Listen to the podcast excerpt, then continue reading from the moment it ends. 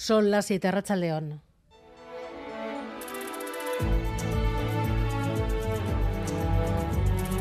Gambara con Arancha García.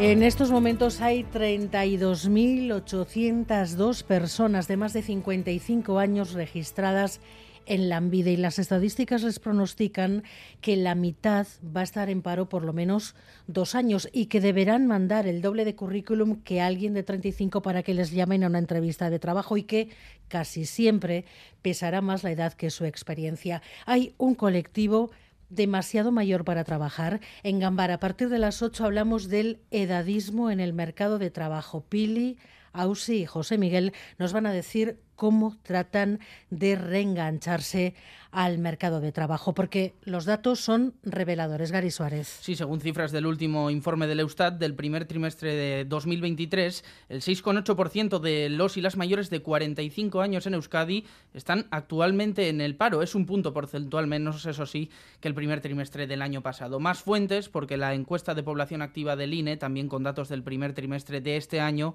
dice que de las personas mayores de 55 años, un 8,1% está en paro en Euskadi y un 6,6% en Navarra. Y además, el Instituto Nacional de Estadística aporta ese dato interesante de los parados de más de 55 años, 268.000 llevan dos años o más en el paro en todo el Estado, un 50% del total de parados en esa franja de edad.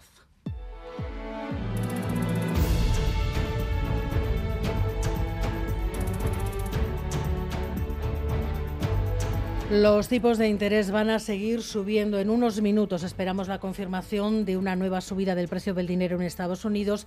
Mañana será el Banco Central Europeo. Esta es la fórmula con la que se supone que va a bajar la inflación, pero de momento los precios no se contienen. Llevamos meses con los alimentos en precio récord y en este contexto Eroski dice que ha tenido menos beneficios porque han contenido las subidas y porque se compra cada vez menos y más barato costes de nuestros productos ha, ido, ha sido de media un 15% y nuestro incremento de precios de venta ha sido del 12%, por lo tanto esa diferencia de tres puntos entre costes y entre precio de venta pues eh, ha sido el esfuerzo que hemos realizado. Rusia acusa a Ucrania de intentar asesinar a Putin mediante un ataque con drones contra el Kremlin. De momento no hay muchos detalles, ni siquiera se ha llegado a confirmar si el presidente ruso estaba allí. Lo que sí se sabe es que los restos de ambos drones habrían caído dentro del complejo del gobierno, pero sin provocar ni víctimas ni daños materiales. Ucrania niega estar detrás del ataque David Beramendi. Sí, Rusia acusa a Ucrania de intentar asesinar a Vladimir Putin, atacando en plena noche el Kremlin con dos drones. Los aparatos han sido derribados, pero han llegado tan cerca del recinto presidencial que los restos han caído dentro del complejo. Rusia dice que no hay víctimas ni daños materiales, pero en varios vídeos se ve un pequeño incendio y columna de humo en una de las cúpulas el presidente de Ucrania, Volodymyr Zelensky, niega haber atacado a Putin. We don't attack Putin or Moscow. We pero para Rusia es un ataque terrorista de Ucrania y se reserva, dice, el derecho a tomar medidas de represalia. El expresidente Medvedev acaba de llamar a eliminar físicamente a Zelensky. Y ni ELA, ni las ni comisiones obreras van a acudir a la reunión de mañana sobre la ley de educación. El departamento ha convocado a los sindicatos para presentarles el proyecto de ley y la propuesta de acuerdos sobre condiciones laborales para el personal educativo que ha consensuado con la, la última hora es ese plante de ELA, ESTE y comisiones obreras. La Organización Meteorológica Mundial alerta de más récords mundiales de calor. Pronostica, de hecho, un nuevo episodio del niño calor, sequías, lluvias torrenciales. Hay un 60% más de probabilidades entre mayo y julio de este año y el 80% más entre julio y septiembre. El anuncio nos llega justo hoy, en otro día de bochorno, donde más se ha notado en la costa. En Bilbao, por ejemplo, hasta ahora 35 grados, pero ha llegado a marcar 39 en algunos puntos al sol. Amaya Zabala, Racha León. A Racha León Aranza sí es 35 grados ahora mismo aquí en Indauchu, pero en algunos momentos del día los termómetros al sol en Bilbao han llegado hasta los 39 grados, como bien has dicho. Mucho pantalón corto, sandalias, gorras, cada uno lo está haciendo como puede eh, con estas temperaturas. Les escuchamos. La verdad que no me gusta mucho el calor extremo, entonces como ha salido de la ICAS, pues lo que hemos hecho ha sido coger mucha agua y bueno, pues comprar unos flashes entonces para no abusar mucho de los helados, así que nada, y él está encantado, o sea. Y no se puede hacer mucho más hoy con el calor que hace, chica. Pues falta la verdad que una sudada, me he puesto eh, una chaquetilla fina y me la tengo que quitar del calor que hace.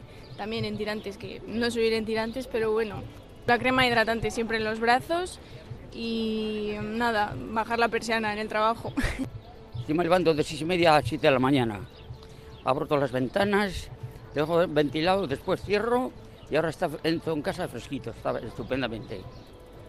Pero no solo en Bilbao, las temperaturas han sido propias de agosto en todo el territorio vizcaíno. Euskalmet ha destacado las localidades como Derio, Sodupe, Munguía, Elorrio y Galdacao, también con temperaturas de hasta 33 grados. En Guipúzcoa algo menos, aunque por lo general también se han superado los 30 grados en muchos puntos como Arrasate, Aleguía, Ondarribi, Vergara y Donostia, por lo que han sido muchos los que se han acercado a la playa a darse un baño. Ya ves, unas privilegiadas. Aquí las jubiladas. Yo chapuzón con cabeza y todo. Voy a bucear. De, los madriles. Más calor hace allí. Eso es el desierto. Disfrutando. Anunciaban 29 grados, así que está bueno. Y ahora aprovechar, pues empiezan a venir ya los días de calorcito y de buen tiempo. Y pues hay un bañito por la mañana siempre entra bien. El primero del año ya. En Álava y Navarra por lo general no han llegado a los 30 grados, en Gasteiz las máximas han sido de 28 y en Pamplona de 29, aunque ha habido excepciones 33 grados en Yodio y 31 grados en Irurita, en Baztán. Eso sí, en la costa las temperaturas bajarán de golpe porque en un par de horas se espera galerna. Habrá autobuses a Sevilla. Los aficionados de Osasuna llevan semanas en vilo por una convocatoria de huelga que podría dejar en tierra a los que han planeado ir a la final de Copa en bus. Hay más de un centenar de autobuses contratados. Se ha estado negociando hasta primera hora de la tarde. Hay preacuerdo y la huelga se va a desconvocar hoy en Arangoa. A falta de que se ratifique el acuerdo en Asamblea, previsiblemente los cuatro sindicatos del sector de los autobuses, comisiones obreras, la UGT y LAB, desconvocarán la huelga prevista para este viernes y sábado. El acuerdo para renovar el convenio llega después de dos reuniones maratonianas entre patronal y sindicatos en las que han negociado subidas salariales y que se computen como jornada todas las horas en las que los conductores están a disposición de la empresa. David Marcalain, comisiones obreras. Hay un acuerdo de los cuatro otros sindicatos y bueno, la perspectiva es de que salga adelante. Llevamos seis años sin renovar el convenio, es un avance importante. Esta negociación ha mantenido en vilo a miles de aficionados de Osasuna en vísperas de la final de Copa, ahora ya más tranquilos porque podrán desplazarse hasta Sevilla también en autobús. Y los deportes, Miquel Bilbao, Arrachaldeón. Arrachaldeón Arancha, una semana importante para el fútbol vasco con una Real que se acerca a la Champions, con la cercanía de la final de Copa en clave rojilla y con el decisivo partido de mañana para el Atlético en su pelea por volver a Europa. 49 puntos tiene el Betis, que es sexto, 47 el Atlético, que es séptimo. Escuchamos a Ernesto Valverde la distancia que consigue si nosotros ganamos sería de un punto, pero si la que podrían conseguir ellos es de cinco. Entonces, evidentemente, somos los que más nos estamos jugando en este, en este partido, o los que más tenemos que, que ganar. Al final vamos por detrás. Para este partido, Valverde no puede contar con Munián y Diego Martínez y Geray. En ciclismo, la líder Marian Bosch ha ganado la tercera etapa de la Vuelta a España Femenina, novena hoy, Alba Teruel, de la Laboral Cucha Fundación Euskadi. Y en pelota, termino, tenemos confirmadas las sedes y fechas de las semis mano a mano. El día 20 en el Abrita Altuna, ante el vencedor del Ezcurdia Pello. Día 21 en el Hogueta, Darío, ante el ganador del Lazo Elordi.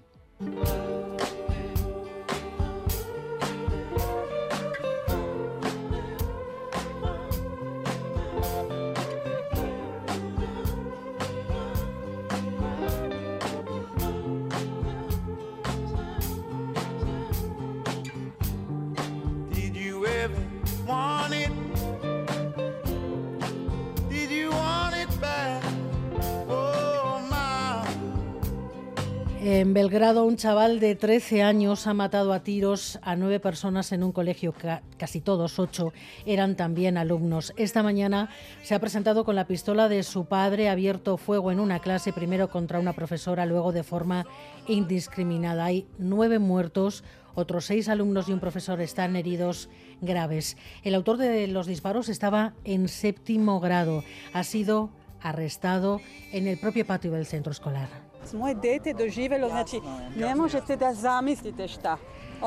La hija de esta mujer ha podido sobrevivir. Según la policía, el chaval llevaba tiempo planeando el ataque. Incluso tenía una lista con las personas a las que quería matar. Era aficionado a la caza. Las dos pistolas parece que eran propiedad del padre. También ha sido arrestado por ello. Y el ministro de Educación serbio apunta ahora a la influencia de algunos videojuegos. Evidentan je kancerogen, poguban, utjecaj interneta, videoigrica, takozvanih zapadnih vrednosti.